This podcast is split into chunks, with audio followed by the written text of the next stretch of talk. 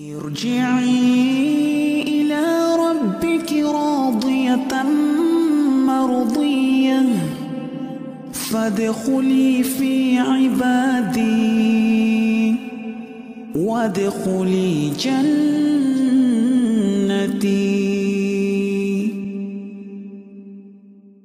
eh, Baik, untuk menyikat waktu kami persilakan Ustadz untuk menyalai kajian. Tafadol Ustadz. Baik.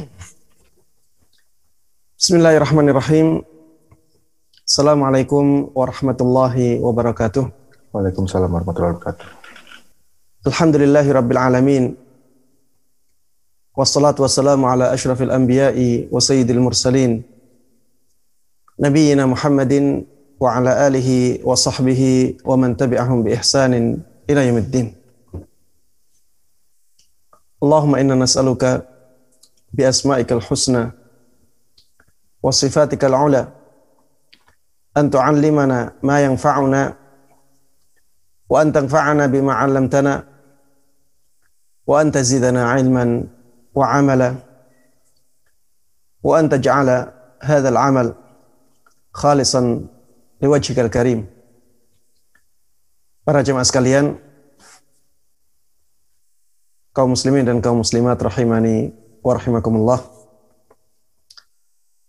Alhamdulillah, segala puji hanya bagi Allah Subhanahu wa taala yang telah memberikan kepada kita semuanya nikmat-nikmatnya yang tak terhingga. Yang dengan nikmat itulah kita bisa berkumpul, kita bisa saling tanasuh, saling memberikan nasihat, saling mengingatkan dalam kebaikan. Kita bisa melakukan amalan yang mulia ini, yaitu menuntut ilmu agama.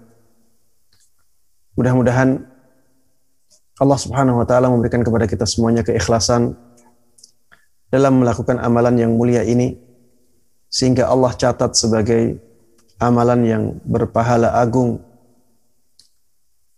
Dan mudah-mudahan dengan keikhlasan itu, Allah memberikan kepada kita semuanya ilmu yang berkah, ilmu yang bermanfaat, ilmu yang bisa mengantarkan kita semuanya kepada kemuliaan dan kebahagiaan yang hakiki di dunia ini dan di akhirat nanti. Kemudian salawat dan salam semoga selalu tercurahkan kepada Nabi yang sangat kita cintai, sangat kita kagumi, sangat kita junjung tinggi, selalu kita taati dan kita percayai. Nabi Agung Muhammad Sallallahu Alaihi Wasallam. Begitu pula kepada seluruh keluarga beliau, seluruh sahabat beliau, dan seluruh kaum muslimin yang mengikuti beliau dengan baik hingga hari akhir nanti. Ikhwati wa akhwati fillah rahimani wa rahimakumullah. Kajian kita pada kesempatan kali ini adalah lanjutan dari kajian yang sebelumnya yang akan membahas tentang syubhat-syubhat kekinian. Syubhat-syubhat yang banyak disinggung oleh orang-orang di zaman ini yang memerlukan jawaban-jawaban. Semoga dengan kajian seperti ini kita tidak mudah diombang-ambingkan oleh syubhat-syubhat itu. Pernyataan-pernyataan yang kelihatannya benar. Padahal sebenarnya bertentangan dengan dalil-dalil yang ada dalam syariat. Para jemaah sekalian yang semoga dimuliakan dan dirahmati oleh Allah Subhanahu wa taala. Sebelumnya saya sudah mengingatkan bahwa penjelasan seperti ini atau pembahasan seperti ini adalah pembahasan yang berat dan juga pembahasan yang harus berhati-hati dalam membicarakannya dan dalam memahaminya. Jangan sampai kita salah faham. Atau jangan sampai yang kita fahami hanya syubhatnya saja. Tapi jawabannya tidak kita fahami. Karena memang syubhat itu biasanya lebih mudah difahami daripada jawabannya. Syubhat itu kata sebagian ulama khattafah. Dia lebih mun, lebih mudah menarik hati. Makanya kita harus berhati-hati ketika membahas masalah syubhat-syubhat ini. Pahami dengan baik jawaban-jawabannya. Lebih baik kita tidak faham syubhatnya daripada kita tidak faham jawabannya tapi kita paham syubhatnya. Ya. Lebih baik kita tidak faham syubhat sama sekali daripada kita faham syubhat tapi tidak faham jawabannya. Kalau kita ingin bersungguh-sungguh dalam membicarakan masalah-masalah seperti ini, maka fahami syubhatnya dan fahami dengan baik jawaban-jawabannya. Para jemaah sekalian yang semoga dimuliakan dan dirahmati oleh Allah Subhanahu wa taala.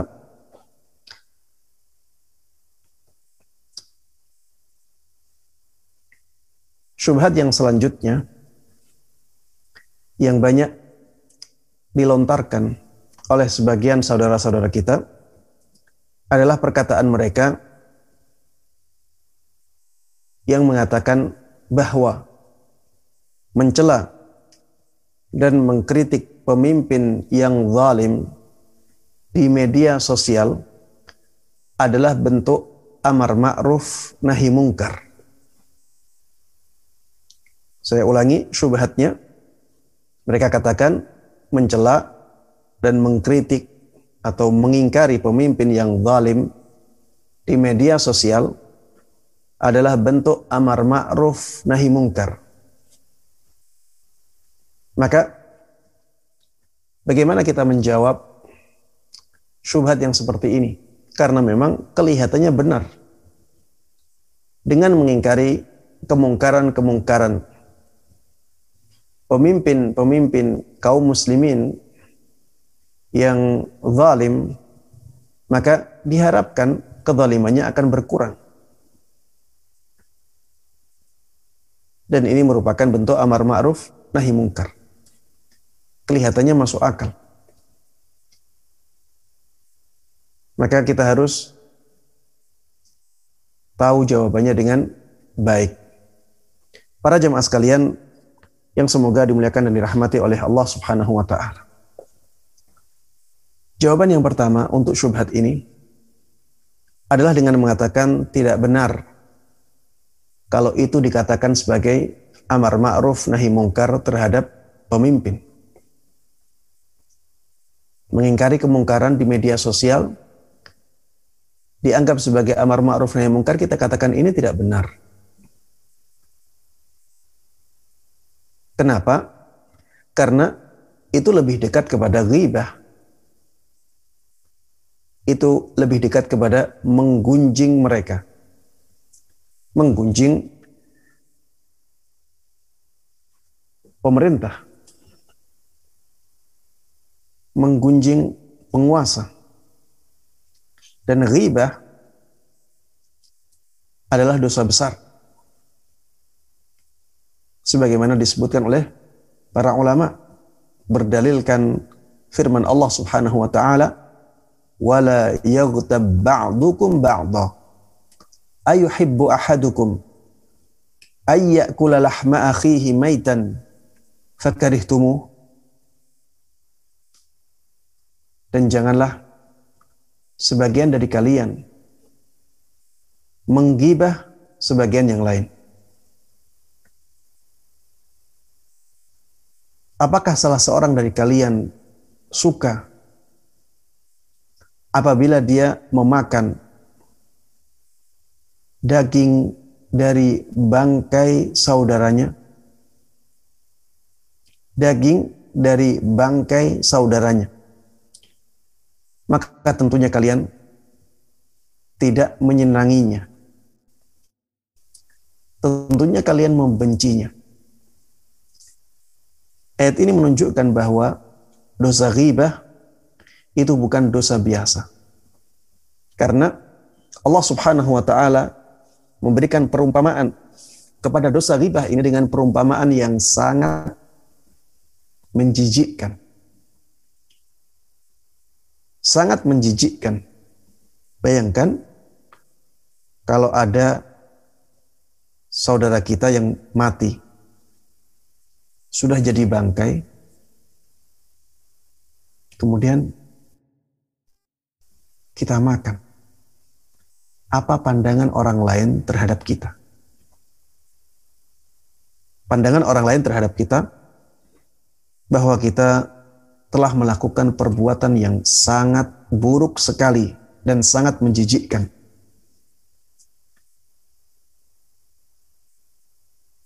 Ketika dosa ghibah diumpamakan oleh Allah Subhanahu wa taala dengan perumpamaan yang sangat menjijikkan ini. Maka ini menunjukkan bahwa dosa ghibah bukan dosa yang biasa. Ini dosa yang sangat luar biasa. Ini dosa besar. Maka jangan sampai kita melakukan ghibah ini. Dan ghibah hakikatnya sebagaimana disebutkan oleh Rasulullah sallallahu alaihi wasallam dzikruka akhaka bima yakrah. Ketika engkau menyebutkan sesuatu yang dibenci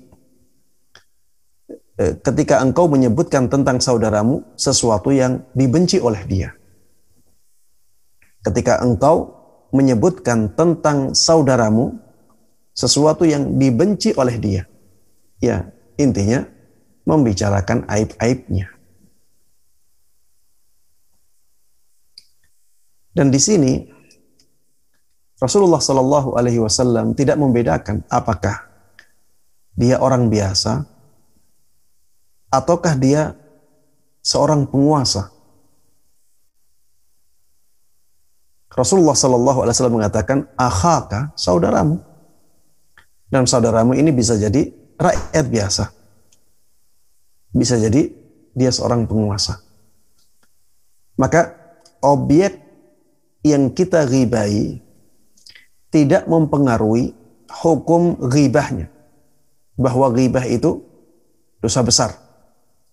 Bahkan kalau ribah ini mendatangkan mudarat yang lebih besar, maka tentunya dosanya lebih besar. Dan menggibai penguasa ini mudaratnya lebih besar. Karena nantinya rakyat ya akan terprovokasi untuk tidak taat kepada pemimpin. Dan ketika semangat untuk tidak taat kepada pemimpin menjadi besar, maka akan menimbulkan kekacauan. Oleh karena itu para jemaah sekalian yang semoga dimuliakan dan dirahmati oleh Allah Subhanahu wa taala. Mengingkari kemungkaran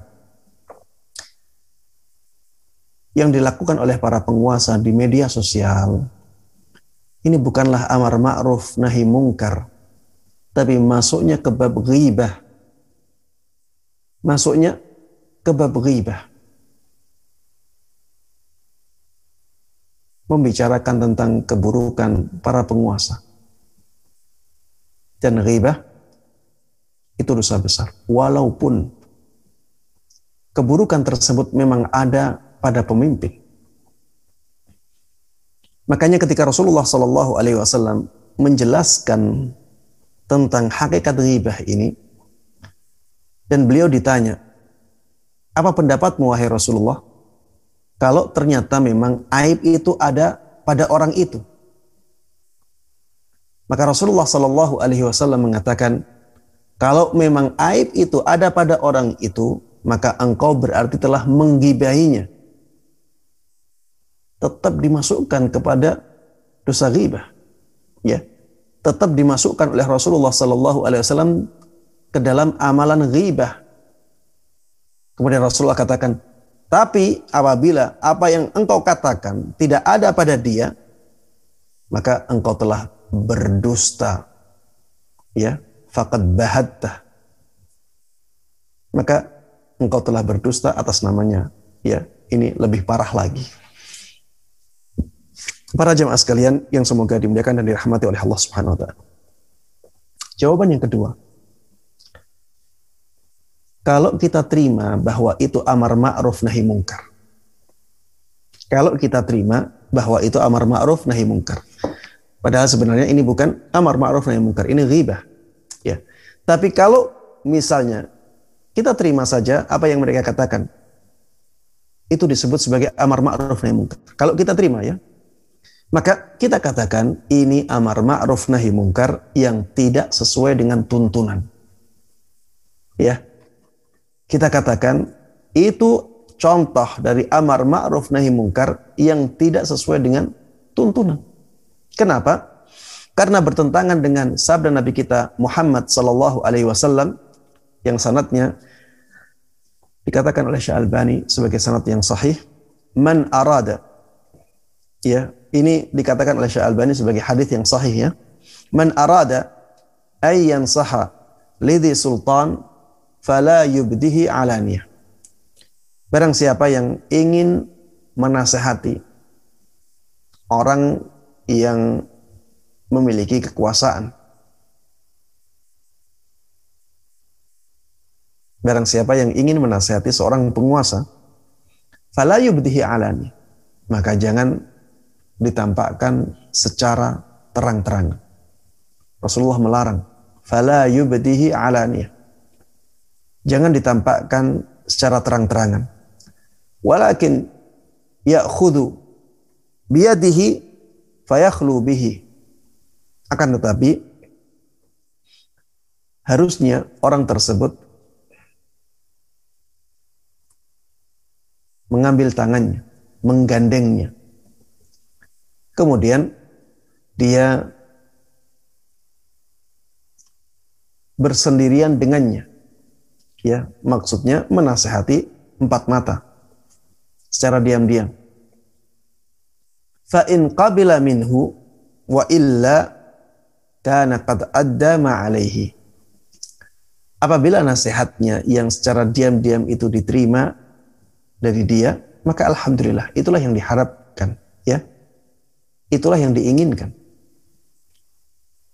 Apabila nasihatnya tidak diterima, maka sungguh dia telah melakukan kewajiban yang dibebankan kepada dia. Para jemaah sekalian yang semoga dimuliakan dan dirahmati oleh Allah Subhanahu wa taala. Bukankah hadis ini sudah sangat jelas? Barang siapa yang ingin menasihati penguasa, jangan lakukan secara terang-terangan. Jangan lakukan secara terang-terangan. Akan tetapi gandeng tangannya. Kemudian setelah itu nasihati secara empat mata, secara diam-diam. Kalau nasihatnya diterima, alhamdulillah, itu yang diharapkan. Kalau tidak diterima, maka kewajiban telah gugur atasnya ya atas orang yang punya kemampuan untuk menasehatinya secara diam-diam ya Taib apakah sama sekali tidak boleh Ustaz untuk menasehati pemimpin secara terang-terangan. Bukankah ada sabda Nabi kita Muhammad sallallahu alaihi wasallam afdalul jihad kalimatu haqqin anda sultanin jair. Jihad yang paling utama adalah kata-kata yang benar di sisi seorang penguasa yang zalim, maka kita katakan, kita jawab bahwa menasehati seorang pemimpin, seorang penguasa secara terang-terangan sebenarnya masih ada celah untuk membolehkannya. Yaitu ketika seorang pemimpin meminta untuk dinasihati secara terang-terangan. Pemimpinnya rela. Misalnya, pemimpinnya mengatakan silahkan bagi yang ingin mengkritik kebijakan-kebijakan yang kami buat, silahkan disampaikan di forum ini. Pemimpinnya memang menginginkan hal tersebut dilakukan. Maka ketika itulah seseorang dibolehkan untuk menasehati pemimpin, mengingkari pemimpin secara terang-terangan di hadapan banyak orang karena memang pemimpinnya membolehkannya ketika itu. Namun demikian juga harus diatur kata-katanya. Jangan sampai kata-kata tersebut malah menyakiti hati pemimpin dan akhirnya nasihatnya tidak diterima sama sama sekali. Dan itulah yang dikatakan oleh Rasulullah Sallallahu Alaihi Wasallam, afdalul jihad kalimatu haqqin inda sultanin jair. Jihad yang paling utama adalah perkataan yang hak, perkataan yang benar di sisi seorang penguasa yang zalim. Ya, ini bisa dimasukkan ke situ. Walaupun ya hadis ini lebih umum. Hadis ini lebih umum, tidak hanya pada keadaan yang terang-terangan seperti itu setelah diizinkan oleh seorang penguasa. Tapi kalau misalnya dia menasehati secara empat mata, dan menyampaikan kritikan, menyampaikan pengingkaran dengan kalimat-kalimat yang benar, ya, maka masuk juga ke dalam hadis ini. Afdalul jihad kalimatu haqqin inda sultanin jair. Intinya menyampaikan nasihat yang benar, nasihat yang hak di sisi seorang penguasa yang zalim. Dan lihatlah kata-kata hadisnya ainda. Kata-katanya ainda. Yang artinya di sisi. Jadi penguasanya ada di majelis itu. Penguasanya ada di majelis itu. Berbeda dengan mengingkari seorang penguasa di media sosial. Bisa jadi tidak dibaca sama sekali oleh penguasanya bisa jadi tidak sampai ke telinga penguasanya. Maka ini lebih dekat kepada ghibah ya. Ini lebih dekat kepada ghibah. Apalagi kalau kita lihat kata-kata ghibah itu dari kata-kata ghaib ya. Yang artinya tidak ada. Tidak hadir. Ghibah itu membicarakan aib seseorang ketika dia tidak ada dan menasihati pemimpin di media sosial lebih dekat kepada hakikat ghibah daripada hakikat amar ma'ruf nahi mungkar. Kalaupun dikatakan itu amar ma'ruf nahi mungkar, maka kita katakan itu amar ma'ruf nahi mungkar yang tidak sesuai dengan tuntunan Nabi kita Muhammad sallallahu alaihi wasallam. Para jemaah sekalian yang semoga dimuliakan dan dirahmati oleh Allah Subhanahu wa taala. Ada poin yang menurut saya penting untuk dipahami. Ya. Ada poin yang menurut anak sangat penting untuk difahami. Mungkin ada yang bertanya, Ustadz, lalu apa solusinya? Kalau misalnya ada seorang pemimpin, dia melegalkan sesuatu yang diharamkan. Melegalkan sesuatu yang diharamkan. Dan kita tidak punya cara untuk menasihati pemimpin dengan diam-diam. Kita tidak ada orang dalam. Kita tidak ada channel untuk bisa masuk ke dalam. Jawabannya adalah ingkari kemungkarannya. Ingkari kemungkarannya. Dan tidak usah disangkut pautkan dengan kebijakan pemerintah itu. Ingkari kemungkaran dan mengingkari kemungkaran dalam keadaan seperti itu tidak ada tidak ada masalah. Makanya perlu dibedakan antara mengingkari kemungkaran secara terbuka dengan mengingkari pemimpin muslim secara terbuka. Bedakan antara mengingkari kemungkaran secara terbuka dengan mengingkari pemimpin muslim secara terbuka. Yang pertama dibolehkan, yang kedua diharamkan. Kenapa mengingkari kemungkaran secara terbuka dibolehkan? Karena memang masuknya ke ingkarul mungkar di situ. Man ra'a minkum mungkaran falyughayyirhu biyadihi. Wa man lam yastati fa bi lisani, wa man lam yastati fa qalbi. Wa dzalika adhaful iman. Barang siapa di antara kalian mengingkari kemungkaran, eh, melihat kemungkaran, maka ingkarilah dengan tangan, ingkarilah dengan kekuasaan. Apabila tidak mampu, maka ingkari dengan lisan. Apabila tidak mampu, ingkari dengan hati. Itulah iman yang paling lemah. Mengingkari kemungkaran dibolehkan. Dari siapa pun kemungkaran itu bersumber. Ingkari kemungkarannya. Ya. Ingkari kemungkiran kemungkarannya tidak ada masalah. Tapi kalau mengingkari pemimpin muslim secara terbuka, maka jangan jangan dilakukan. Kalau ada yang bertanya Ustadz, kalau kita ingkari kemungkarannya, masyarakat akan faham di sana ada aib pemerintah yang terbuka. ada aib penguasa yang terbuka. Maka kita katakan seperti ini tidak ada masalah. Tidak ada masalah ketika ada konsekuensi seperti itu. Karena itu bukan tujuan kita. Tujuan kita agar masyarakat tahu bahwa itu kemungkaran. Dan kita tidak mengingkari pemimpin muslim secara terbuka di situ. Yang kita ingkari adalah kemungkarannya. Yang kita ingkari adalah kemungkarannya. Adapun konsekuensi itu hanya pengikut saja. Dia sampingan, efek samping, bukan tujuan utama kita. Ya. Dan pengikut seperti ini ya hukumnya mengikuti sesuatu yang diikuti.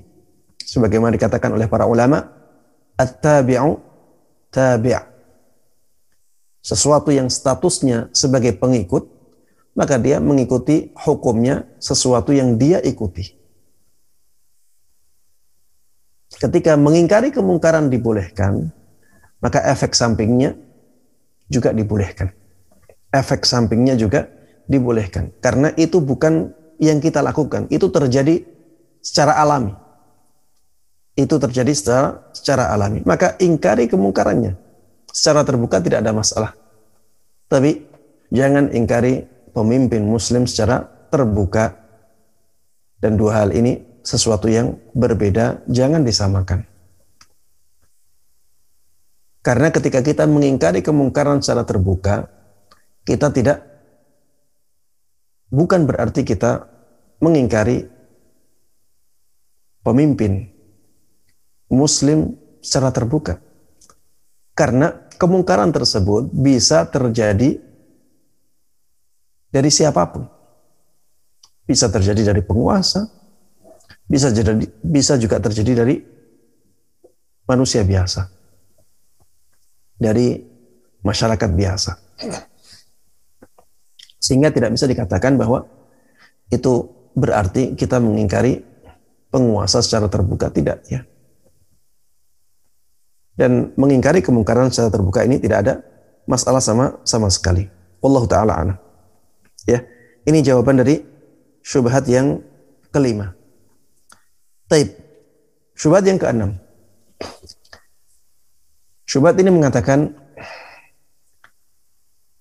kalau berdakwah jangan terlalu ekstrim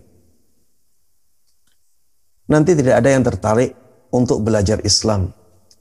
Yang ada orang-orang malah akan menjauh. Ini syubhat yang banyak dialamatkan kepada teman-teman yang mengajak kaum muslimin kepada pemahaman atau Islam yang sesuai dengan pemahaman para generasi awal Islam.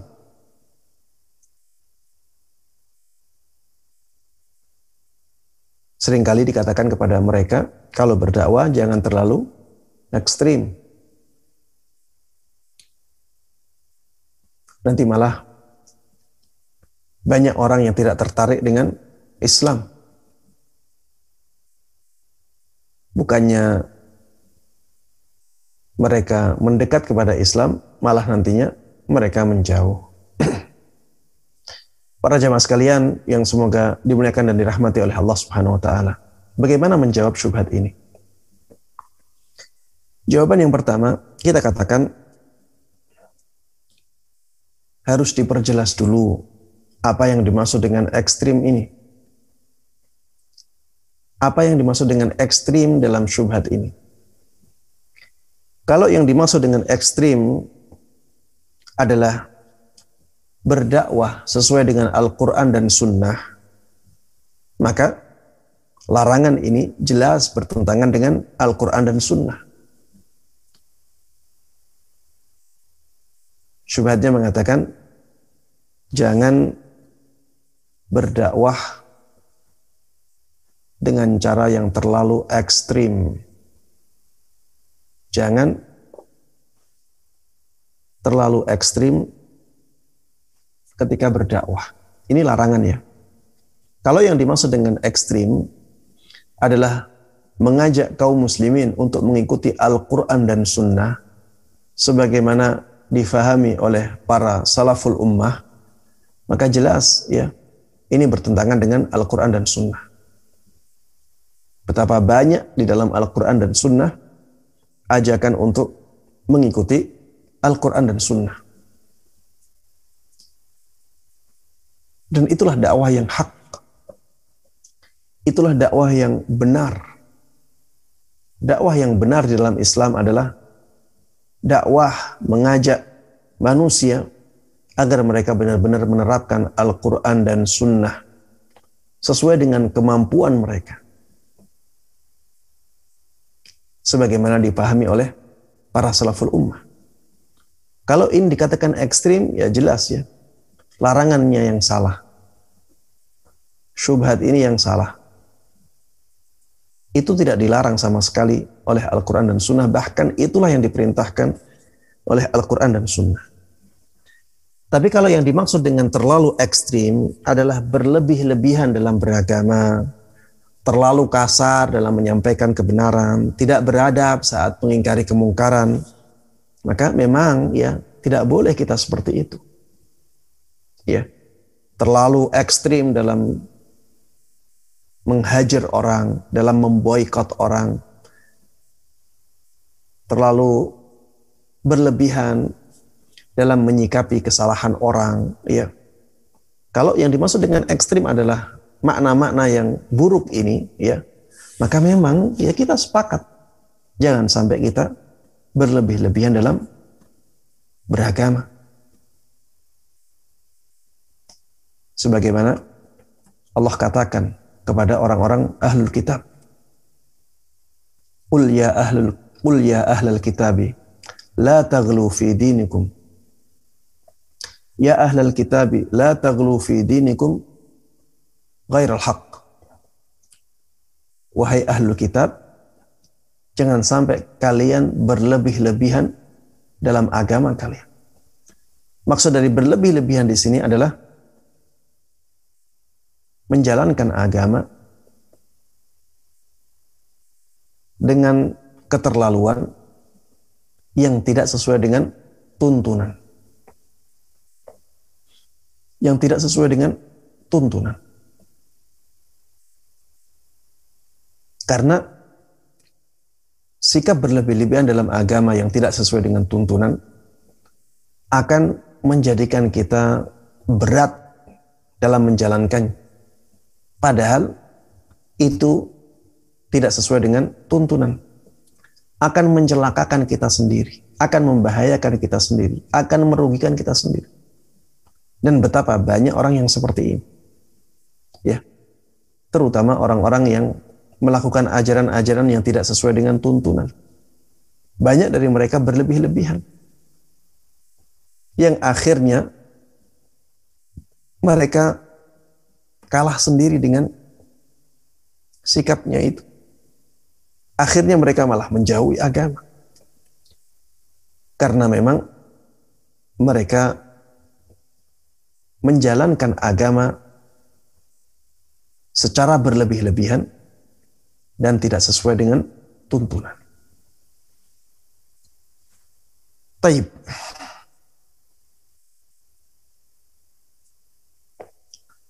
Kemudian kata-kata ekstrim ini bisa sangat relatif. Ya. Menurut sebagian orang yang memang jauh dari agama, orang yang menjalankan agamanya dengan baik, itu menurut dia ekstrim. Menurut dia ekstrim karena memang kebiasaan dia jauh dari agama. Tidak terlalu memperhatikan agama. Melihat orang yang menjalankan agamanya dengan baik, dia akan melihatnya sebagai orang yang ekstrim, orang yang berlebih-lebihan dalam beragama, orang yang fanatik dengan agama. Karena memang keadaan dia seperti itu. Untuk orang lain yang memang satu derajat tingkatan agamanya, orang yang menjalankan agama seperti itu sangat bagus sekali itu bukan ekstrim karena memang sesuai dengan tuntunan. Maka penilaian ekstrim ini ya bisa sangat relatif. Bisa sangat relatif. Maka kita harus mengembalikan keadaan seseorang dalam menjalankan agamanya kepada dalil bukan kepada penilaian orang dengan akalnya, dengan penglihatannya, dengan keadaan dia. Tidak ya. Apakah sesuai dengan dalil ataukah tidak? Kalau sesuai dengan dalil berarti bukan ekstrim. Kalau tidak sesuai dengan dalil bisa jadi ekstrim. Karena agama Islam ini adalah agama yang wasat. Wa kadzalika ja'alnakum ummatan wasata agama pertengahan. Sehingga semua yang sesuai dengan dalil tidak mungkin ekstrim. Semua yang sesuai dengan ajaran Islam tidak mungkin ekstrim karena ajaran Islam itu semuanya ajaran yang pertengahan. Sebagaimana Allah katakan di dalam Al-Qur'an. Para jemaah sekalian yang semoga dimuliakan dan dirahmati oleh Allah Subhanahu wa taala. Karena ekstrim ini penilaian yang relatif ya, sangat subjektif. Maka ketika kita berdakwah yang menjadi patokan kita adalah tuntunan. Ada dalilnya atau tidak? Kalau sudah sesuai dengan dalil, maka jangan pedulikan omongan orang Jangan pedulikan omongan orang. Jangan terombang-ambing baik oleh celaan maupun oleh pujian. Yang penting apa yang kita lakukan sesuai dengan tuntunan Allah Sudah selesai. Terserah nanti orang mengatakan kita terlalu ekstrim atau tidak. Orang mengatakan kita ini datang dengan ajaran baru atau tidak, kita ini memecah belah umat atau tidak, kita ini eh, terlalu kaku, terlalu fanatik, itu biarkan ya, biarkan orang-orang mengatakan. Kalau kita bisa jelaskan kepada mereka dengan baik, silahkan dijelaskan. Kalau tidak ingin menjelaskan juga tidak ada tidak ada masalah. Jangankan kita. Rasulullah Shallallahu Alaihi Wasallam juga mendapatkan gunjingan-gunjingan yang seperti itu, mendapatkan bulian-bulian yang seperti itu. Sampai Allah abadikan di dalam Al-Qur'an, ya. Allah sampai membantah dalam beberapa ayat tentang tuduhan orang-orang kafir bahwa Nabi Muhammad Sallallahu Alaihi Wasallam adalah orang gila. Di dalam banyak ayat, wa ma sahibukum bimajnun. Wa ma sahibukum bimajnun. Kata Allah Subhanahu wa taala, sahabat kalian itu yaitu Muhammad sallallahu alaihi wasallam bukanlah orang yang gila. Awalam yatafakkaru ma bisahibihim min jinnah. Di dalam ayat lain dikatakan, bukankah mereka, tidakkah mereka berpikir bahwa sahabat mereka itu tidak gila sama sekali? In huwa illa nadhirum mubin. Yang ada dia adalah seorang pemberi peringatan yang jelas. Ini menunjukkan bahwa dulu orang-orang kafir itu menuduh Nabi Muhammad Sallallahu Alaihi Wasallam sebagai orang yang gila. Padahal Rasulullah Sallallahu Alaihi Wasallam hanya menyampaikan apa yang diembankan oleh Allah Subhanahu Wa Taala kepada beliau, menyampaikan risalah Islam.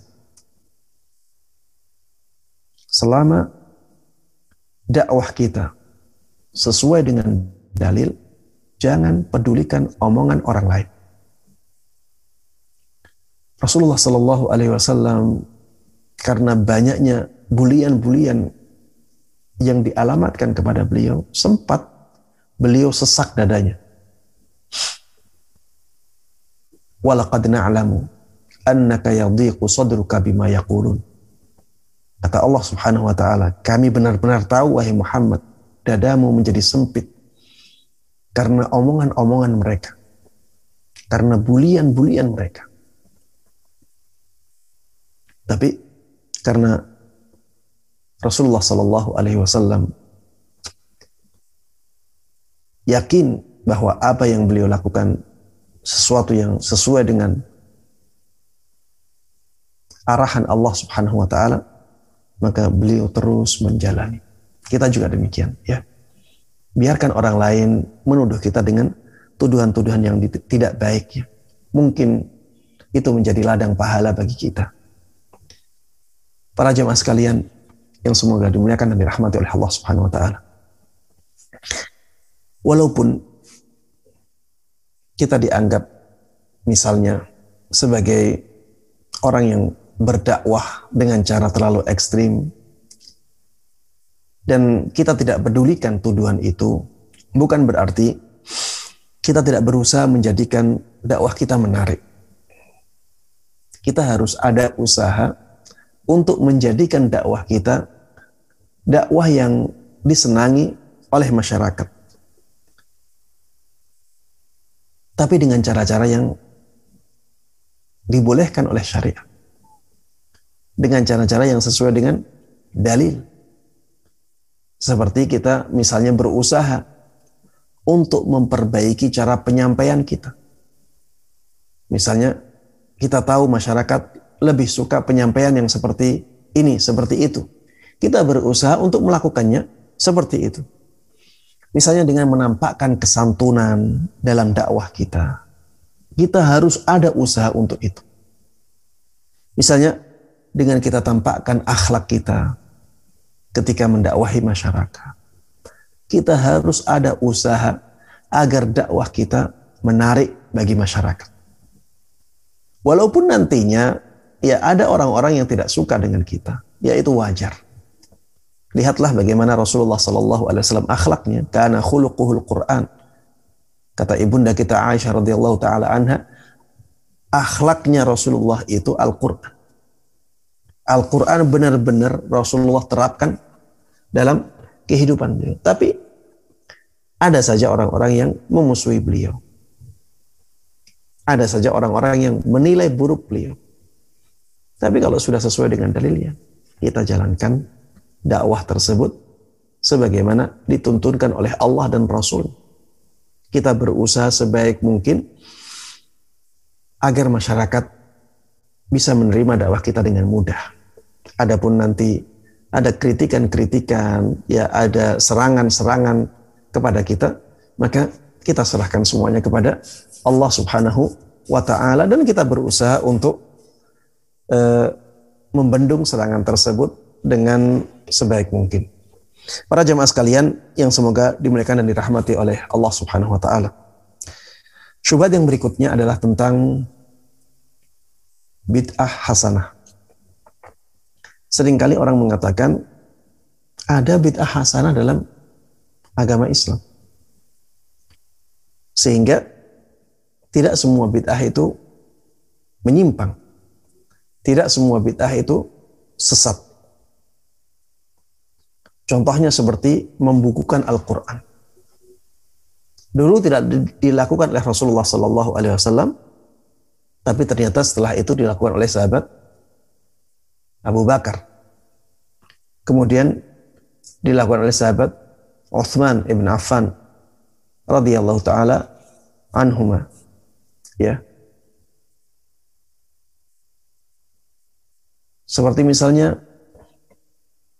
Salat terawih, salat jamaah terawih, salat terawih secara berjamaah dari awal Ramadan sampai akhir Ramadan. Tidak pernah dilakukan oleh sahabat, eh, tidak pernah dilakukan oleh Rasulullah Wasallam, tidak juga dilakukan oleh para sahabat di zamannya sahabat Abu Bakar radhiyallahu taala anhu. Tapi sahabat Umar ibn Khattab radhiyallahu taala anhu mengadakan hal tersebut. Begitu pula adanya pembukuan-pembukuan ilmu di dalam Islam. Tidak pernah dilakukan oleh Rasulullah dan para sahabatnya. Tapi ternyata setelah itu para ulama membukukan ilmu-ilmu Islam itu. Dan ini termasuk di antara contoh bid'ah hasanah. Para jemaah sekalian yang semoga dimuliakan dan dirahmati oleh Allah Subhanahu wa taala. Inilah syubhat. Kalau orang awam mendengarkan pernyataan seperti ini, maka akan terlihat sebagai suatu kebenaran. Padahal ini sangat bertentangan dengan dalil-dalil yang ada di dalam di dalam Islam. Bagaimana menjawab syubhat yang seperti ini? Kita katakan bahwa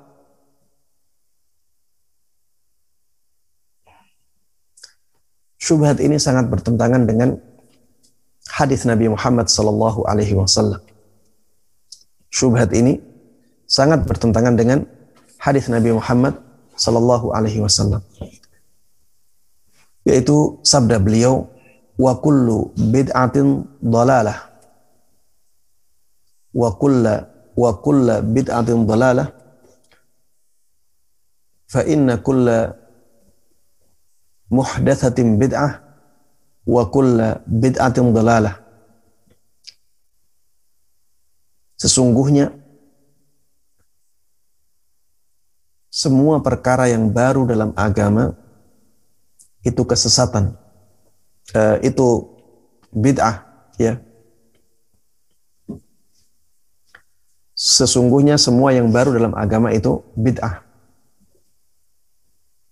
dan semua bid'ah itu menyimpang atau sesat. Rasulullah dengan jelas mengatakan wa kulla bid'atin dalalah dan semua bid'ah itu sesat atau menyimpang.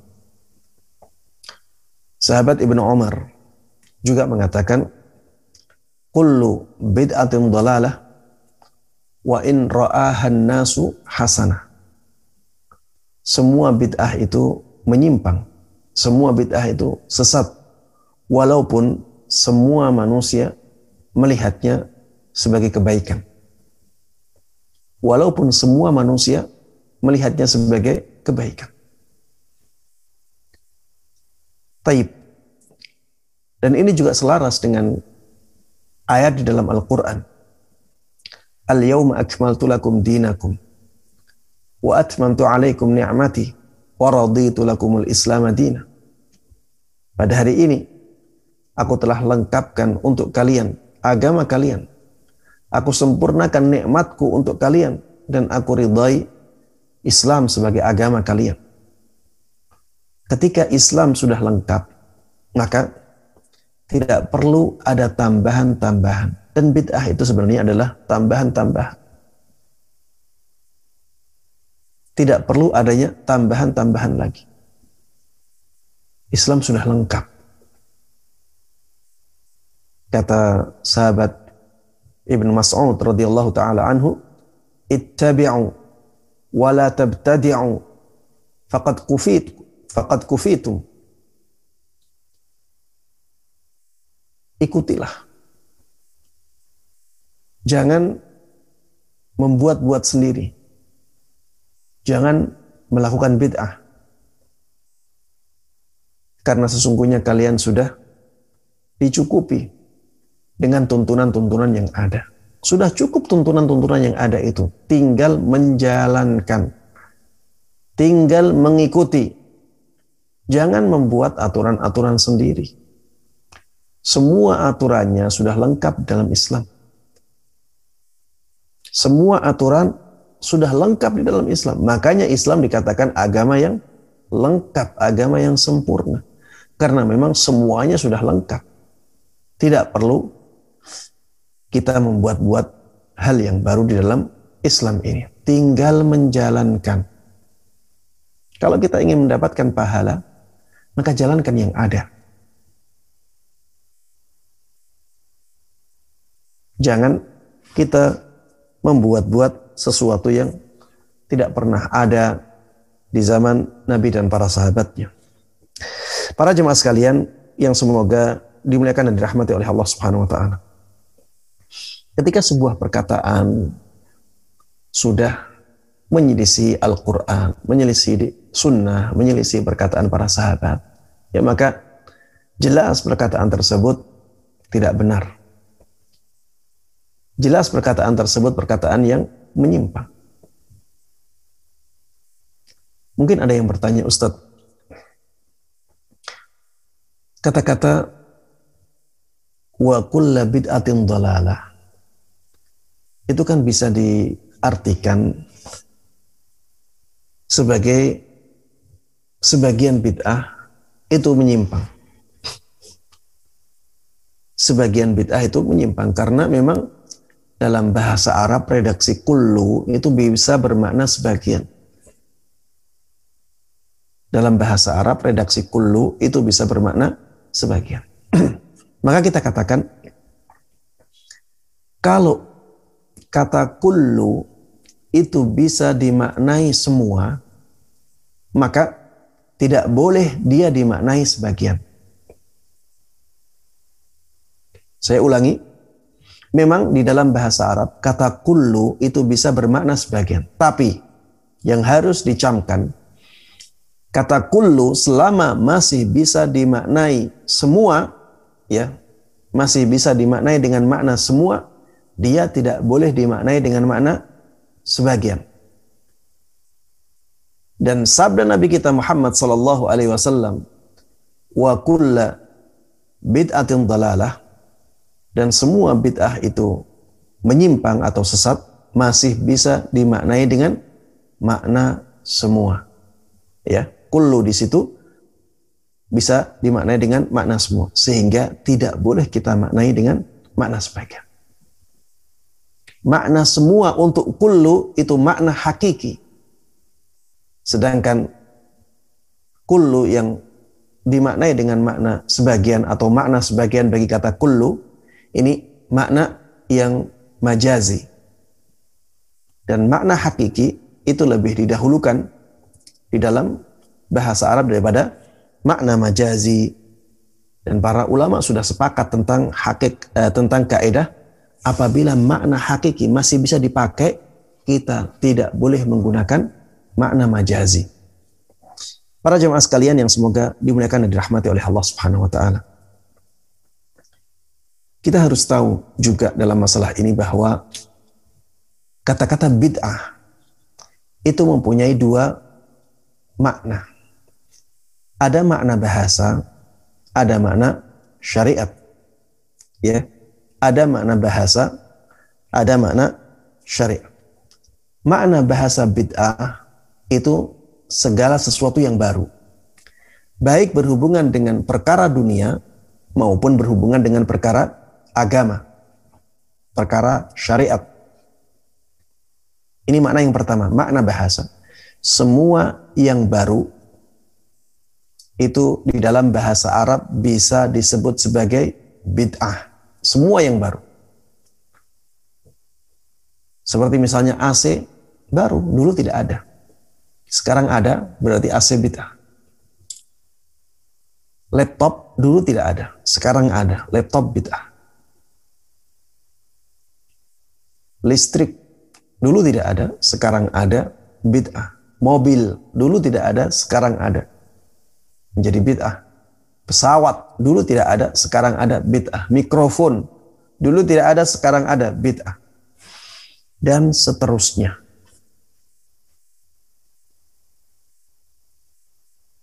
Itu masuk kategori bid'ah dalam bahasa. Jadi dalam bahasa bid'ah itu bisa mencakup masalah dunia, bisa juga mencakup masalah agama atau syariat.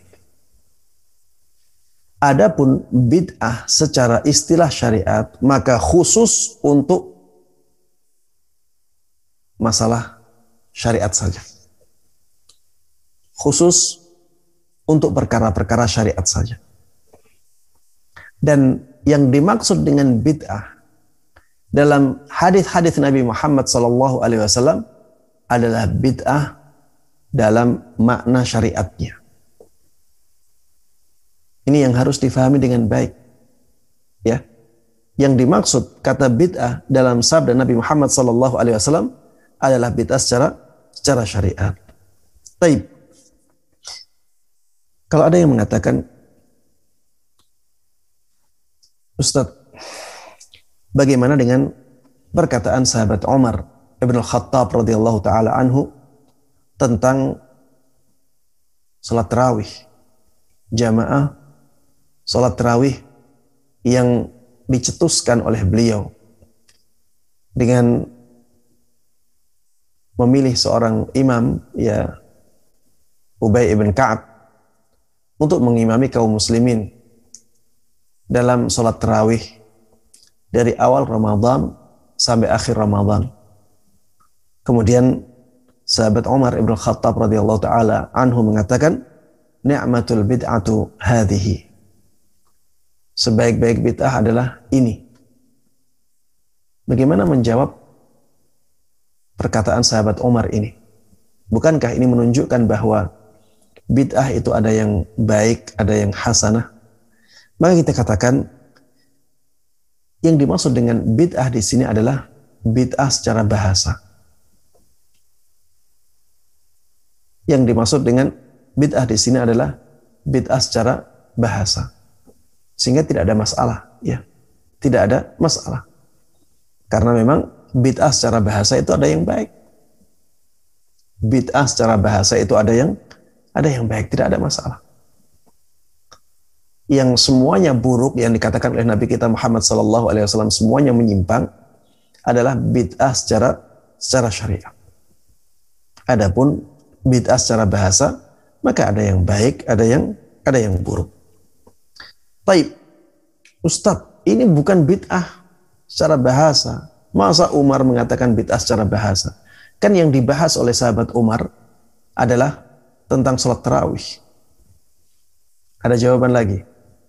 Baik, kita jawab dengan perkataan sebagian ulama yang dimaksud dengan perkataan sahabat Umar ini adalah kalau saja ada bid'ah hasanah dalam agama, maka ini yang menjadi bid'ah hasanah dalam agama. Tapi tidak ada bid'ah hasanah dalam agama. Ada yang menjawab dengan jawaban seperti ini. Sebagaimana disampaikan oleh Syekh Abdul Karim Al-Khudair hafizahullah ta'ala. Beliau mengatakan maksud dari perkataan Umar itu adalah kalau misalnya ada bid'ah yang baik maka inilah bid'ah yang baik. Tapi di dalam Islam itu tidak ada bid'ah yang baik.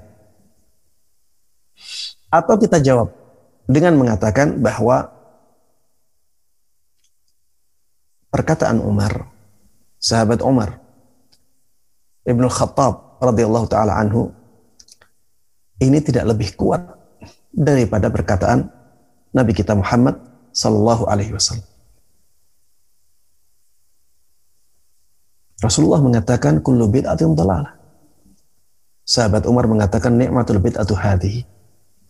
Kalau kita tidak mau menerima jalan kompromi dengan mengatakan apa yang dikatakan oleh sahabat Umar ini bid'ah lugawiyah, bid'ah secara bahasa, sedangkan yang di dalam perkataan Rasulullah Sallallahu Alaihi Wasallam bid'ah secara syariat, kita tidak mau memilih jalan kompromi ini, sudah kita ambil jalan tarjih. Mana yang lebih kuat? Hadis Nabi Muhammad Sallallahu Alaihi Wasallam ataukah perkataan sahabat Umar ibn Khattab radhiyallahu taala anhu? Ya jelas, hadis Nabi Muhammad sallallahu alaihi wasallam jauh lebih kuat daripada perkataan sahabat Umar Ibn Khattab radhiyallahu taala anhu. Jangan sampai kita malah mendahulukan perkataan sahabat Umar Ibn Khattab radhiyallahu taala anhu kemudian kita akhirkan sabda Nabi kita Muhammad sallallahu alaihi wasallam. Ya, ini kalau tidak mau jalan kompromi.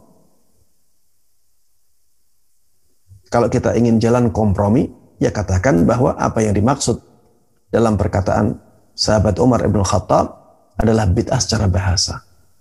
Dan memang dalam bahasa bid'ah itu bisa bermakna baik, bisa bermakna buruk.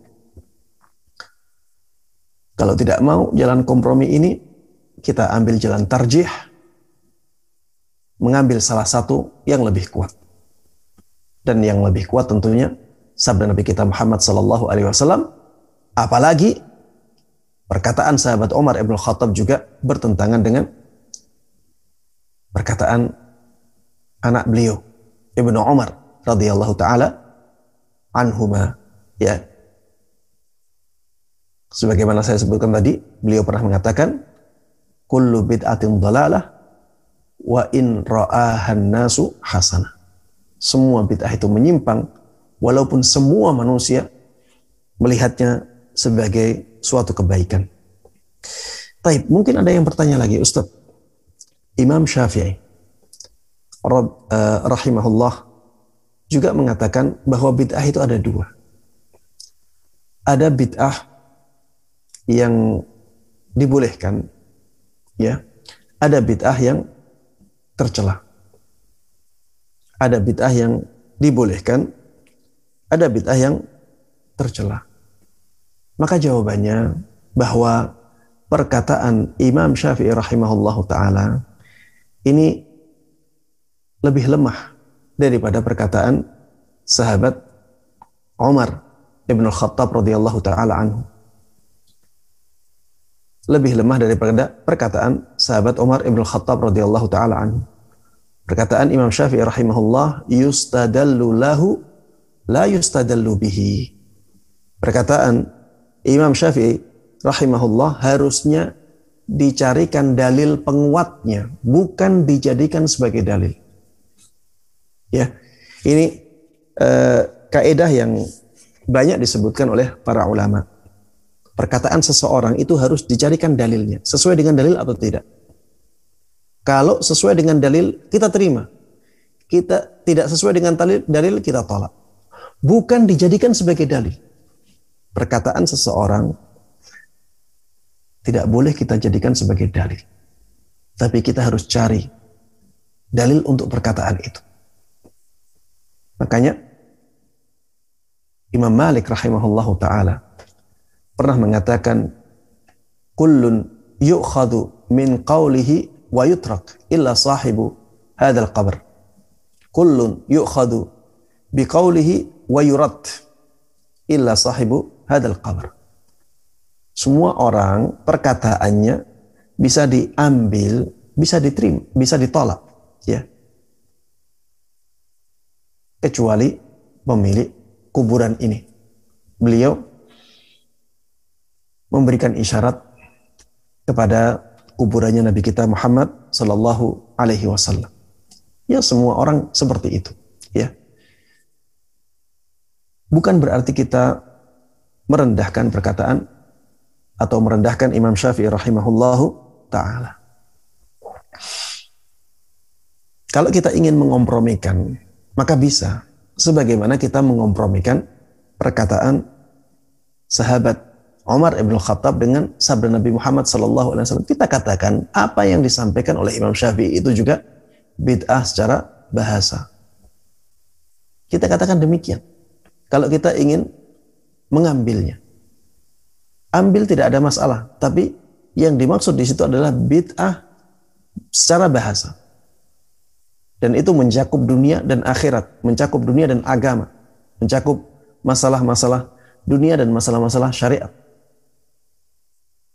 Ada yang baik, ada yang buruk. Tidak ada masalah. Adapun yang dikatakan oleh Rasulullah Sallallahu Alaihi Wasallam adalah bid'ah dalam masalah syariat saja. Semuanya buruk. Kalau tidak ingin kita ambil kompromi ini, maka kita katakan sabda Rasulullah Sallallahu Alaihi Wasallam jauh lebih kuat daripada perkataan Imam Syafi'i rahimahullahu taala. Taib. Jawaban yang berikutnya, jika ada bid'ah yang dianggap hasanah, maka hanya ada dua kemungkinan saja pada bid'ah yang dianggap hasanah itu. Seperti misalnya pembukuan Al-Quran. Seperti misalnya penentuan e, sholat berjamaah untuk terawih dari awal Ramadan sampai akhir Ramadan. Pembukuan ilmu-ilmu Islam. Biasanya dicontohkan dengan contoh-contoh seperti ini. Kita katakan hanya ada dua kemungkinan pada perkara-perkara ini. Kemungkinan yang pertama, sebenarnya itu bukan bid'ah, tapi dianggap sebagai bid'ah. Kemungkinan yang kedua, sebenarnya itu tidak baik, tapi dianggap baik. Sebenarnya itu tidak baik, tapi dianggap baik. Atau kemungkinan yang pertama tadi, sebenarnya itu bukan bid'ah, tapi dianggap sebagai bid'ah. Dan inilah kemungkinan yang tepat pada perkara-perkara yang dicontohkan tadi. Taib. Pembukuan Al-Quran dianggap sebagai bid'ah. Padahal sebenarnya itu bukan bid'ah. Kenapa dikatakan bukan bid'ah? Ya karena di zaman Nabi Muhammad Sallallahu Alaihi Wasallam Rasulullah Sallallahu Alaihi Wasallam memerintahkan para sahabatnya untuk membukukan Al-Quran, untuk menulis. Kalau ada yang mengatakan Ustadz, tapi kan tidak ada yang menulis dari awal sampai akhir. Kita katakan memang ketika itu belum dibukukan semuanya. Karena memang ketika Rasulullah Shallallahu Alaihi Wasallam masih hidup, ya belum turun semuanya Al-Quran itu. Ada sebagian yang sudah turun, ada yang belum turun. Al-Quran lengkap ketika turun ayat Al-Yawma akmaltu lakum dinakum wa alaikum ni'mati wa raditu lakumul Islam. Bahkan ada yang mengatakan setelah itu masih ada masih ada ayat Al-Quran yang turun lagi. Sehingga sampai di akhir hayat Rasulullah Sallallahu Alaihi Wasallam memang sangat berat untuk membukukan Al-Quran dari awal sampai akhir. Tapi Rasulullah Sallallahu Alaihi Wasallam sudah memerintahkan para sahabatnya untuk membukukan Al-Quran. Sehingga yang ada hanya penyempurnaan saja. Yang ada hanya penyempurnaan saja.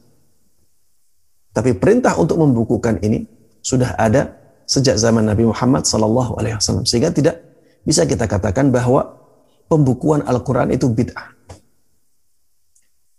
ini jawaban yang pertama. Jawaban yang kedua, tidak bisa kita katakan itu bid'ah karena yang melakukan adalah sahabat Abu Bakar radhiyallahu taala anhu.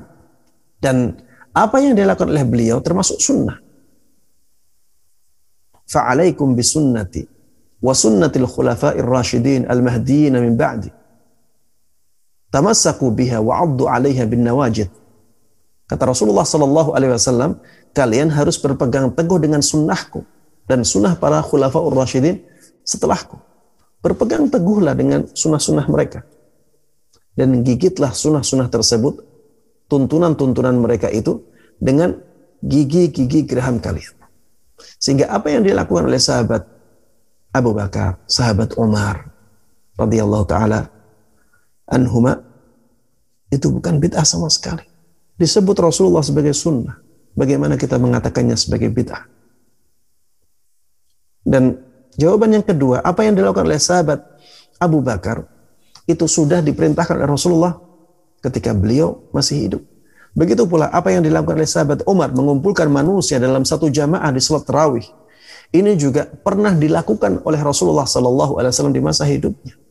Hanya saja karena Rasulullah khawatir nanti akan ada syariat yang mewajibkannya, akhirnya Rasulullah Sallallahu Alaihi Wasallam urungkan. Tapi sudah beberapa malam beliau mengimami kaum muslimin. Sehingga pada asalnya mengumpulkan kaum muslimin menjadi satu jamaah di sholat tarawih ini sebenarnya bukan bid'ah. Sudah pernah dicontohkan oleh Nabi kita Muhammad Sallallahu Alaihi Wasallam, sahabat Umar ibn Khattab hanya meneruskan saja. Kalau alasan ini tidak diterima, sudah katakan bahwa apa yang dilakukan oleh sahabat Umar itu termasuk sunnah yang kita diperintahkan untuk mengikutinya. Kita diperintahkan untuk mengikutinya. Adapun pembukuan ilmu-ilmu Al-Quran, ya maka ini juga sudah pernah sudah ada contohnya di zaman Nabi di zaman para sahabat. Ya sudah ada contohnya. Pembukuan Al-Quran bukankah eh, penulisan Al-Quran itu bukankah penulisan ilmu agama? Begitu pula dengan pembukuan hadis-hadis Nabi Muhammad Sallallahu Alaihi Wasallam. Di masa Nabi ada yang mencatat bukankah itu pembukuan ilmu-ilmu agama di masa sahabat juga demikian. Semakin banyak yang menulis. Dan kita katakan ini ya bukan termasuk bid'ah juga. Dari sisi itu adalah sarana untuk menjaga agama Allah Subhanahu wa taala. Sarana untuk menjaga agama Allah Subhanahu wa taala, yaitu dengan membukukan ilmu-ilmu itu. Dan menjaga agama Allah Subhanahu wa taala disyariatkan. Maka sarana untuk menjaga agama Allah juga disyariatkan. Masuk dalam kaidah al-wasail laha ahkamul maqasid. Sarana menuju sesuatu itu mengambil hukum tujuannya. Tapi para jemaah sekalian yang semoga dimuliakan dan dirahmati oleh Allah Subhanahu wa taala. Jawaban yang terakhir untuk syubhat ini ya adanya bid'ah hasanah, kita katakan seandainya ada bid'ah hasanah, harusnya para sahabat Nabi Muhammad Sallallahu Alaihi Wasallam adalah generasi yang paling banyak menemukannya. Karena mereka jauh lebih tahu tentang agama Islam daripada orang-orang yang setelahnya. Tapi nyatanya apa? Justru orang-orang belakangan inilah yang paling banyak menemukan bid'ah hasanah. Bid'ah yang mereka anggap sebagai bid'ah hasanah ya kalau bid'ah hasanah ini kalau ada bid'ah hasanah harusnya yang paling banyak menemukan bid'ah hasanah itu siapa? Para sahabat Nabi. Kenapa? Karena mereka adalah orang-orang yang paling tahu tentang agama. Tapi ternyata kenyataannya tidak seperti itu. Di zaman para sahabat Nabi, ya, bisa dikatakan tidak ada bid'ah hasanah sama sekali. Bisa dikatakan demikian. Semua bid'ahnya buruk. Kapan adanya bid'ah-bid'ah hasanah ini? Di zaman-zaman setelah setelah mereka. Ada bid'ah hasanah ini, ada bid'ah hasanah itu. Di zaman sekarang ini, bahkan kalau orang disuruh mencontohkan mana bid'ah yang sayyi'ah, mereka bingung. Tapi ketika disuruh menyebutkan mana bid'ah yang hasanah, contohnya berderet ya. Bisa dengan mudah mencontohkan bid'ah hasanah itu ini, ini bid'ah hasanah, ini bid'ah hasanah, ini bid'ah hasanah. Ditanya, mana bid'ah yang dolalahnya, yang sayyi'ahnya? Malah terdiam, sulit menjawab. Kalau bisa menjawab pun jawabannya sedikit. Dan kalau kita tanya, siapa yang menemukan ini, siapa yang mengawali ini, siapa yang e, mencetuskan bid'ah ini semuanya orang-orang belakangan. Kenapa dulu para sahabat tidak bisa menemukan bid'ah yang hasanah seperti itu? Ini sesuatu yang ironis, ironis ya. Ya. Ini menunjukkan bahwa memang tidak ada bid'ah yang hasanah sebagaimana ditegaskan oleh Nabi kita Muhammad sallallahu alaihi wasallam wa kullu bid'atin dalalah dan semua bid'ah itu menyimpang ya. Baik, demikian yang bisa saya sampaikan para jemaah sekalian yang semoga dimuliakan dan dirahmati oleh Allah Subhanahu wa taala. Karena waktu sudah masuk jam 9 ya, saya harus akhiri kajian ini sampai di sini. Wallahu taala alam Semoga apa yang kita bahas bersama bermanfaat bagi kita semuanya. Mudah-mudahan Allah berkahi ilmu kita dan mudah-mudahan Allah Subhanahu wa taala memberikan kepada kita semuanya taufik yang menjadikan kita bisa mengamalkan ilmu agama yang sampai kepada kita dengan baik dan mudah dan menjadikan kita mudah dalam menyampaikannya kepada orang lain. Amin amin ya rabbal alamin. Wassallallahu wasallam wa baraka ala nabiyyina Muhammadin wa ala alihi wa sahbihi wa man tabi'ahum bi ihsanin ila yaumiddin. Walhamdulillahi rabbil alamin. Jazakallah khairan Ustadz atas pemaparan materinya yang sangat bermanfaat. Uh, sekarang kita izin lanjut ke pertanyaan ya Ustadz. Ya, tafadhal silakan. Ya, uh, ini banyak banget nih dok. Eh banyak banyak nih Ustadz pertanyaannya kita semoga bisa kita jawab semuanya ya. Kalau untuk pertanyaan yang pertama begini Ustaz. Uh, Bismillah izin bertanya Ustadz, apabila ingin menasehati pemimpin namun tidak memiliki akses untuk bisa berdialog secara langsung, apa jalan keluar untuk bisa menyampaikan nasihat atau aspirasi tersebut? Jazakallah khairan. Iya, saya sudah katakan tadi bahwa kalau tidak ada akses, ya, tidak ada akses, maka ingkari kemungkarannya. Ingkari kemungkarannya. Kemudian jangan sampai kita memaksakan diri untuk mengkritik penguasa secara langsung. Jangan memaksakan diri. Karena ada larangan untuk melakukan yang seperti itu. Kita katakan kalau kita sudah tidak punya kemampuan untuk menasihati pemimpin secara sembunyi-sembunyi berarti wajib menasehati para pemimpin adalah yang punya kemampuan untuk menasehatinya secara sembunyi-sembunyi. Kalau sudah tidak ada kemampuan, maka pembebanan itu menjadi gugur. Ini perkataan orang yang didakwa itu urus saja dirimu sendiri. Nah, gitu. Ada Ustaz. Dan kalau mis kalau misalnya ya kita memberikan nasihat kepada orang lain, kemudian tidak, tidak diterima, maka itu sesuatu yang sebenarnya wajar ya, sebenarnya wajar dan itu resiko dalam berdakwah, semacam bentuknya. Di antara eh, bentuk penolakan itu adalah perkataan yang disebutkan dalam pertanyaan. Urus urus saja dirimu sendiri. Bagaimana kita menjawabnya? Kita katakan bahwa ajaran Islam memerintahkan saya untuk mengingkari kemungkaran dan menasati saudara. Man ra'a minkum mungkaran falyughayyirhu biyadi. Ila akhir hadis. Barang siapa di antara kalian yang melihat kemungkaran, maka dia harus mengubahnya dengan tangannya sampai akhir hadis ya. Jadi ada perintah untuk mengingkari kemungkaran. Kemudian memberikan nasihat. Ya, ini juga diperintahkan dalam agama kita. Di dalam surat Al-Asr, Allah Subhanahu wa taala berfirman, "Wal 'asri innal insana lafi khusr illa alladziina amanu wa 'amilus shalihat wa tawasaw bil haqqi wa tawasaw bis sabr. Demi waktu asar sesungguhnya semua manusia itu berada dalam kerugian. Sungguh semua manusia itu benar-benar berada dalam kerugian. Kecuali siapa? Kecuali orang yang beriman, beramal saleh, kemudian orang-orang yang saling menasihati dalam kebenaran dan saling menasihati dalam kesabaran.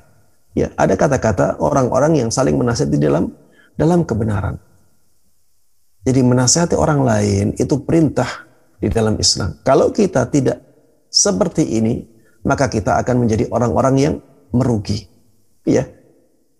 Kemudian dengan menasihati orang lain, ya, atau mengingkari kemungkaran yang dilakukan oleh orang lain, maka Allah Subhanahu wa taala akan menyelamatkan kita apabila nantinya terjadi eh, bencana yang menjadi hukuman bagi mereka yang melakukan kemaksiatan itu. Jadi kalau kita tidak ingkari kemungkaran, maka kemungkaran akan menyebar. Kalau kemungkaran menyebar, maka Allah Subhanahu wa taala akan memberikan hukuman. Ketika Allah Subhanahu wa taala memberikan hukuman, Allah Subhanahu wa taala akan menyelamatkan orang-orang yang mengingkari kemungkaran itu. Sebagaimana Allah selamatkan para nabi di zaman dahulu dari azab umatnya. Nabi Lut misalnya diselamatkan oleh Allah Subhanahu wa taala dari azab yang menimpa umat. Karena Nabi, Nabi Lut mengingkari kemungkaran yang dilakukan oleh umatnya. Begitu pula Nabi Nuh diselamatkan oleh Allah Subhanahu wa taala dari azab yang Allah timpakan kepada umatnya. Kenapa? Ya karena Nabi Nuh mengingkari kemungkaran yang dilakukan oleh umatnya. Begitu pula dengan Nabi Hud juga demikian. Allah selamatkan mereka karena mereka mengingkari kemungkaran. Kemudian ya kita juga harus tahu bahwa nantinya di akhirat seseorang akan dimintai pertanggungjawaban ketika dia melihat kemungkaran kemudian diam-diam saja. Ini berkaitan dengan keselamatan kita, berkaitan dengan keselamatan dia. Ya. Jadi bukan hanya urusan manusia di dunia saja. Mengingkari kemungkaran ini tidak hanya berurusan dengan perkara dunia saja. Nanti di akhirat juga kita akan ditanya kenapa ketika engkau melihat kemungkaran ini engkau tidak ingkari. Kita akan ditanya itu. Kalau kita bisa menjawab, aku ketika itu tidak ada kemampuan. Maka kalau jawaban kita sesuai dengan keadaan, Allah akan uh, maafkan kita. Tapi kalau ternyata memang kita tidak demikian, Allah akan hukum kita. Maka mengingkari kemungkaran ini bukan hanya perkara yang berkaitan dengan kita dan dia saja tidak. Itu juga berkaitan dengan hal lain. Ya, nantinya di akhirat ya kita akan ditanya. Makanya di dalam surat Al-A'raf Allah Subhanahu wa taala katakan wa id qalat ummatum minhum lima ta'iduna qauman lima ta'iduna qauman illahu muhlikuhum aw mu'adzibuhum 'adzaban syadida qalu ma'dziratan ila rabbikum wala'allahum yattaqun. Ketika orang-orang mengatakan kepada seseorang yang mengingkari kemungkaran, kenapa engkau memberikan nasihat, memberikan mau'izah kepada orang-orang yang sudah pasti akan diadab oleh Allah Subhanahu wa taala dan dibinasakan oleh Allah Subhanahu wa taala karena dosa-dosa mereka. Apa jawab mereka? Qalu ma'dziratan ila rabbikum. Perbuatan saya mengingkari kemungkaran ini sebagai alasan yang bisa saya sampaikan nanti di hadapan Allah Subhanahu wa taala sebagai jawaban apabila nanti Allah menanyakan kepada kita apa yang kalian lakukan terhadap kemungkaran yang terjadi di sekitarmu. Wala'allahum yattaqun. Dan kita punya harapan mereka bertakwa kepada Allah Subhanahu wa taala. Falamma nasu ma dzukiru bihi anjayna alladziina yanhauna 'anis su wa akhadna alladziina zalamu bi'adzabin ba'isin bima kanu. Ya, ketika orang-orang tersebut mereka ya melalaikan peringatan-peringatan yang disampaikan kepada mereka, maka mereka akhirnya diadab oleh Allah Subhanahu wa taala. Kemudian orang-orang yang mengingkari kemungkaran tersebut diselamatkan oleh Allah Subhanahu wa taala. Ya, Intinya kalau misalnya sudah dinasehati, dia menjawab dengan jawaban seperti itu, maka silahkan dijawab lagi. Kalau misalnya tidak bermanfaat sama sekali, ya tinggalkan saja. Berarti kita sudah punya jawaban di hadapan Allah. Aku sudah menasehati dia ya Rabb. Ya, Allah Taala. Ya kalau kalian Ustaz untuk pertanyaan untuk uh, responsnya. Uh, sebelum kita lanjut uh, lebih dalam nih Pak Ustadz, jadi memang pertanyaannya banyak banget nih sebenarnya. Cuma kalau misalnya boleh tahu, uh, Pak Ustadz masih ada waktu berapa lama lagi Pak Ustadz? Sampai jam setengah sepuluh saja. Uh, 10 baik. Berarti nanti ya. kita akan sesuaikan ya jumlah pertanyaannya. Oke. Okay. Ya. Saya lanjut ya Pak Ustadz ya. Ini ada satu pertanyaan. Bismillah. Ustadz izin bertanya, bagaimana caranya kita mengetahui dalil atau hadis-hadis yang sahih atau daif, sedangkan pribadinya ini masih minim ilmu agama dan bagaimana caranya agar kita dapat terhindar dari syubhat-syubhat di zaman fitnah sekarang. Jazakallah khair. Ya. ya. Yang Lalu, pertama ya nasihat saya banyak belajar dahulu ya. Yang penting kita belajar, belajar agama kepada rujukan-rujukan ilmu yang kita sudah tahu tingkat keilmuannya, sudah tahu kelurusan akidahnya ya dan kita sudah lihat ketakwaannya secara zahir. Itu yang pertama, ya. Belajar agama yang baik. Ketika kita sudah belajar agama yang baik, insya Allah akan banyak jawaban-jawaban pertanyaan yang dulu kita pertanyakan, ya. Akan banyak pertanyaan-pertanyaan yang terjawab dengan sendirinya dengan kita belajar agama. Taib. Kalau misalnya kita ingin tahu ya sebagai orang awam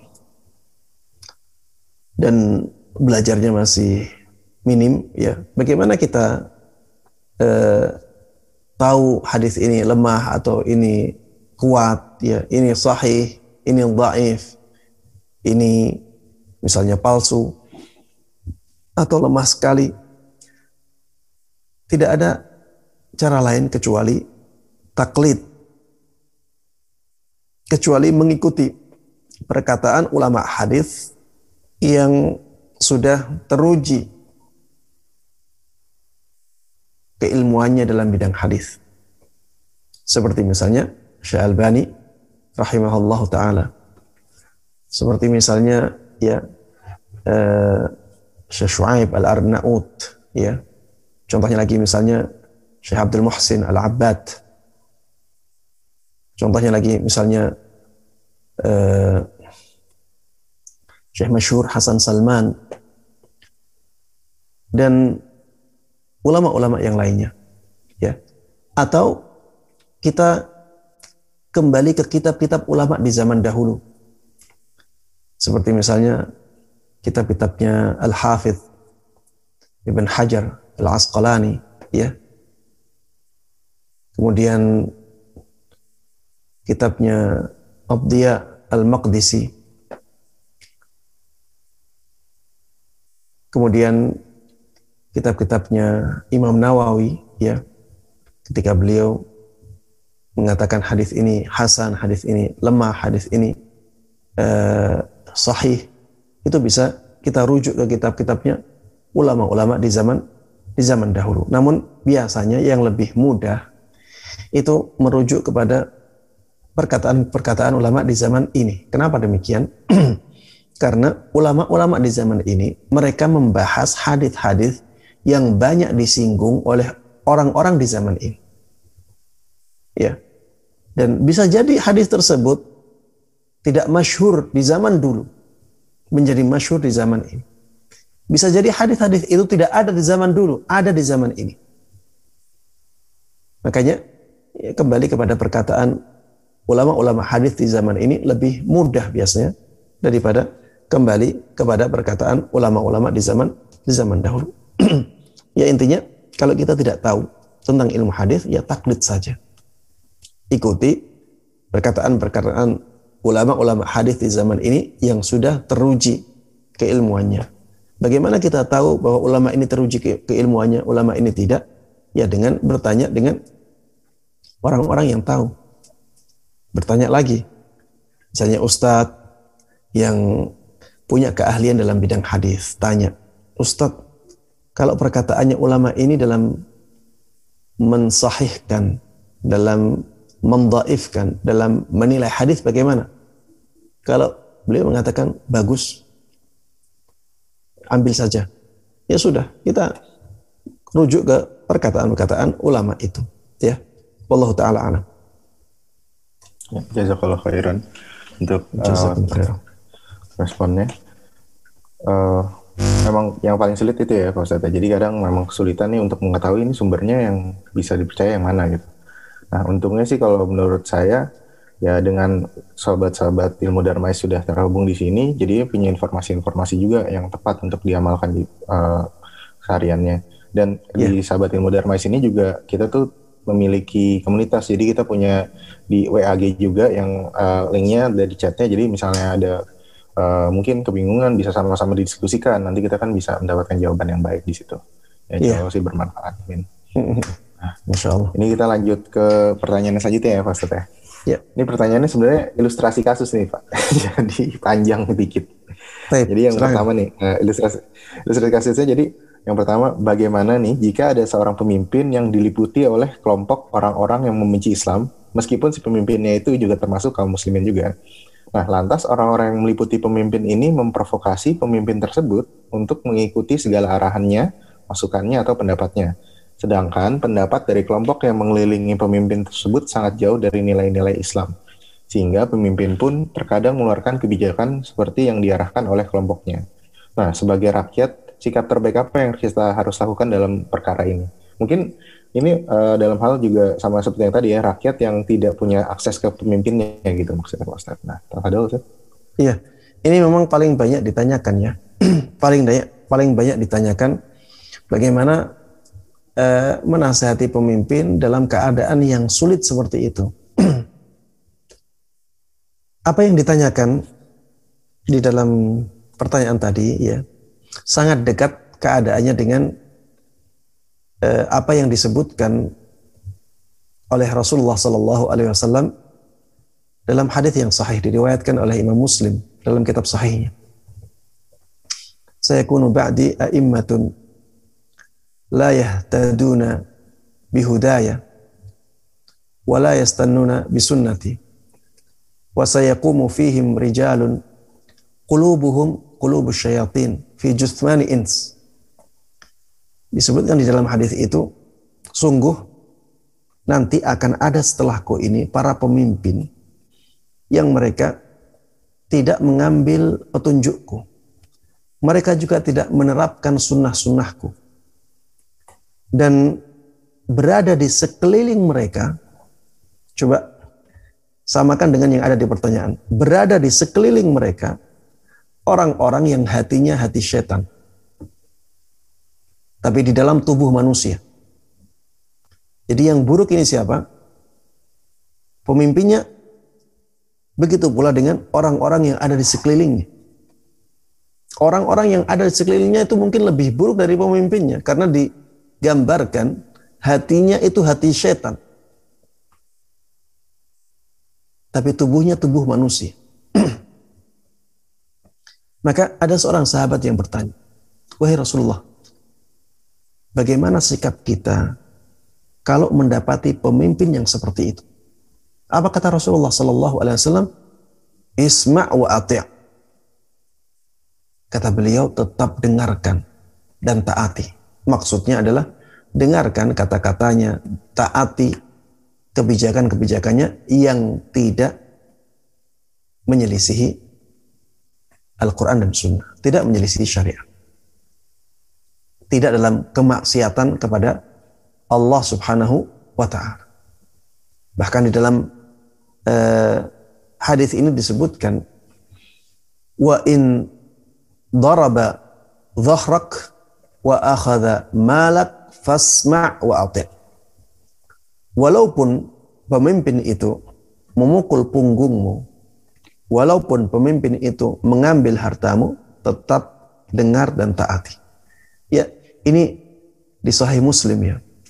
Memang ada orang-orang yang tidak suka hadis ini akhirnya mencari celah untuk melemahkan hadis ini. Tapi yang jelas ya, hadis ini dari zaman dulu ya disahihkan oleh para ulama. Dari zaman dulu disahihkan oleh para ulama. Ada celah lemah yang disebutkan oleh mereka itu tidak kuat ya. Tidak kuat untuk melemahkan hadis itu. Karena banyaknya pendukung hadis ini.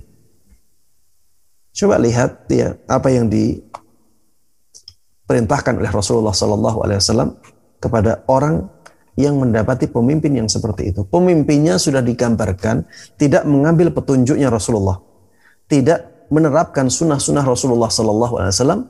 Ditambah ada orang-orang di sekitarnya yang buruk, hatinya hati setan, tapi tubuhnya manusia.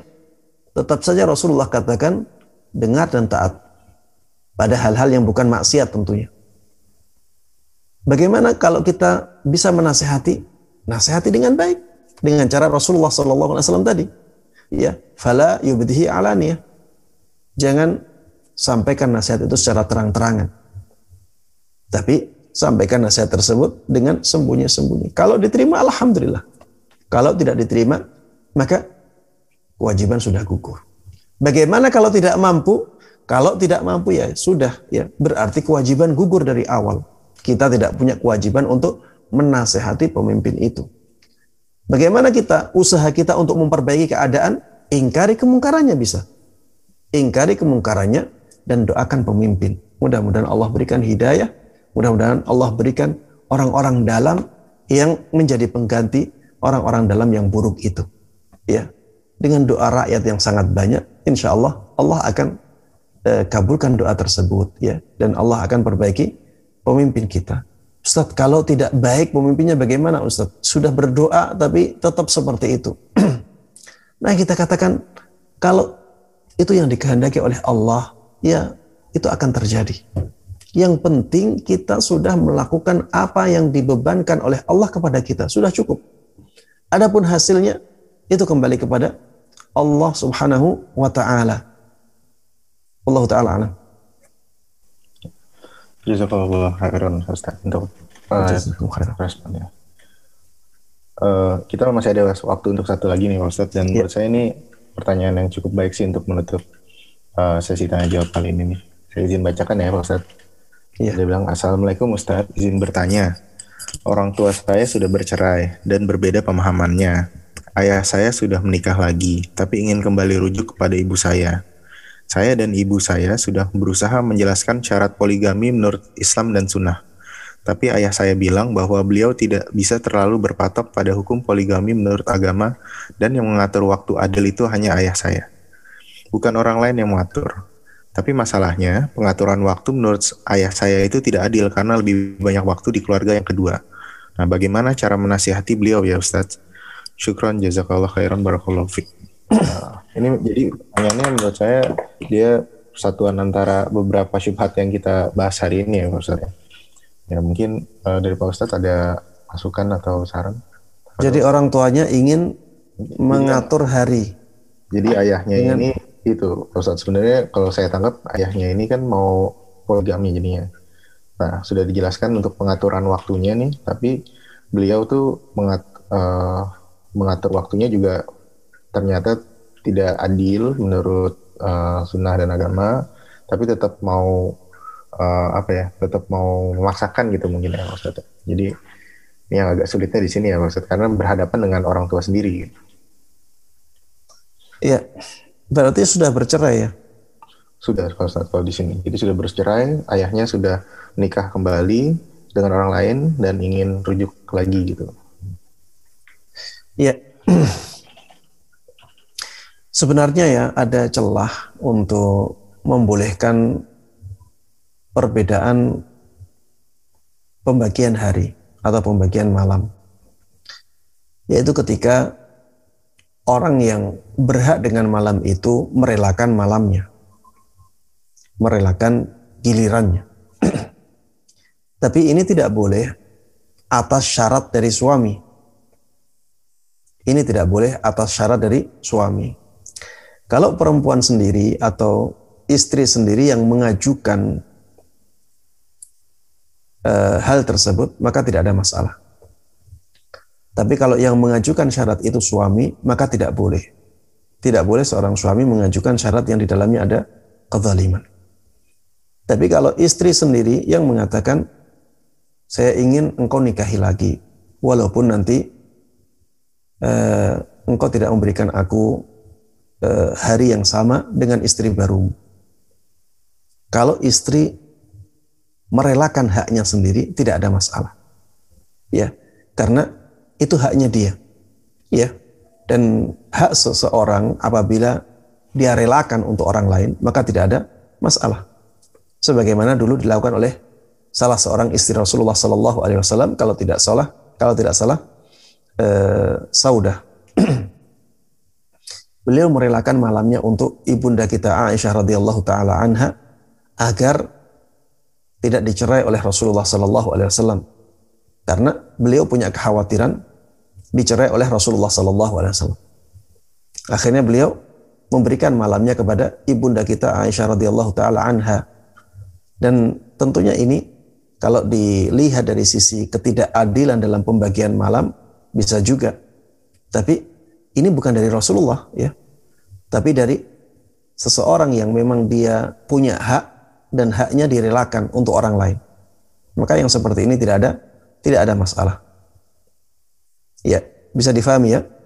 Kalau syarat itu dari eh, suami maka tidak boleh. Karena suami tidak punya hak dengan malam itu dengan giliran. Yang punya hak giliran siapa? Istri. Maka ketika istri yang mengajukan ya merelakannya sendiri bukan atas syarat dari suami, maka tidak ada tidak ada masalah ya. Dan ini banyak dibahas oleh ulama di zaman ini juga. Eh, di antaranya tentang masalah pernikahan al-misyar. Pernikahan misyar itu pernikahan antara laki-laki dan perempuan, tapi perempuannya merelakan haknya berupa nafkah, berupa rumah, dia relakan. Saya mau engkau nikahi, walaupun engkau tidak menafkahi aku, karena aku sudah punya uang, sudah bisa e, bekerja sendiri. Walaupun engkau tidak memberikan aku, misalnya rumah, tidak ada masalah. Ya ini, pernikahan seperti ini di dibahas oleh para ulama. Kalau ini datangnya dari seorang istri, maka tidak ada masalah. Dia yang merelakan haknya sendiri. Dia yang menggugurkan haknya dia. Tapi kalau ini syarat dari suami tidak boleh. Karena itu syarat yang batil dalam pernikahan. Itu kezaliman. Ya, begitu pula dalam masalah yang ditanyakan tadi. Kalau misalnya syarat itu datang dari istri sebenarnya tidak ada masalah. Tapi masalahnya yang ditanyakan syarat itu datangnya dari dari suami. Iya. Kalau misalnya ya pernikahan itu dikhawatirkan akan mendatangkan banyak kezaliman dan mendatangkan keadaan yang tidak harmonis, mengganggu kejiwaan, menjadi beban hidup ya. Ya lebih baik tidak diteruskan ya lebih baik tidak diteruskan. Ya, mungkin dengan berpisah akan banyak pelajaran yang bisa diambil. Ya, dengan berpisah akan uh, lebih banyak waktu yang bisa digunakan untuk uh, memperbaiki diri, untuk uh, beribadah kepada Allah Subhanahu wa taala, untuk memperhatikan anak-anaknya. Bisa jadi ya sesuatu yang tidak kita inginkan justru malah lebih baik bagi kita. Bisa jadi sesuatu yang tidak kita inginkan justru malah mendatangkan banyak kebaikan untuk kita. Ya. Kalau dari awal sudah ada niat seperti itu dari suami, maka ya dikhawatirkan nanti ketika terjadi rujuk, malah akan mendatangkan banyak mudarat ya, banyak hal yang merugikan istri tersebut ya.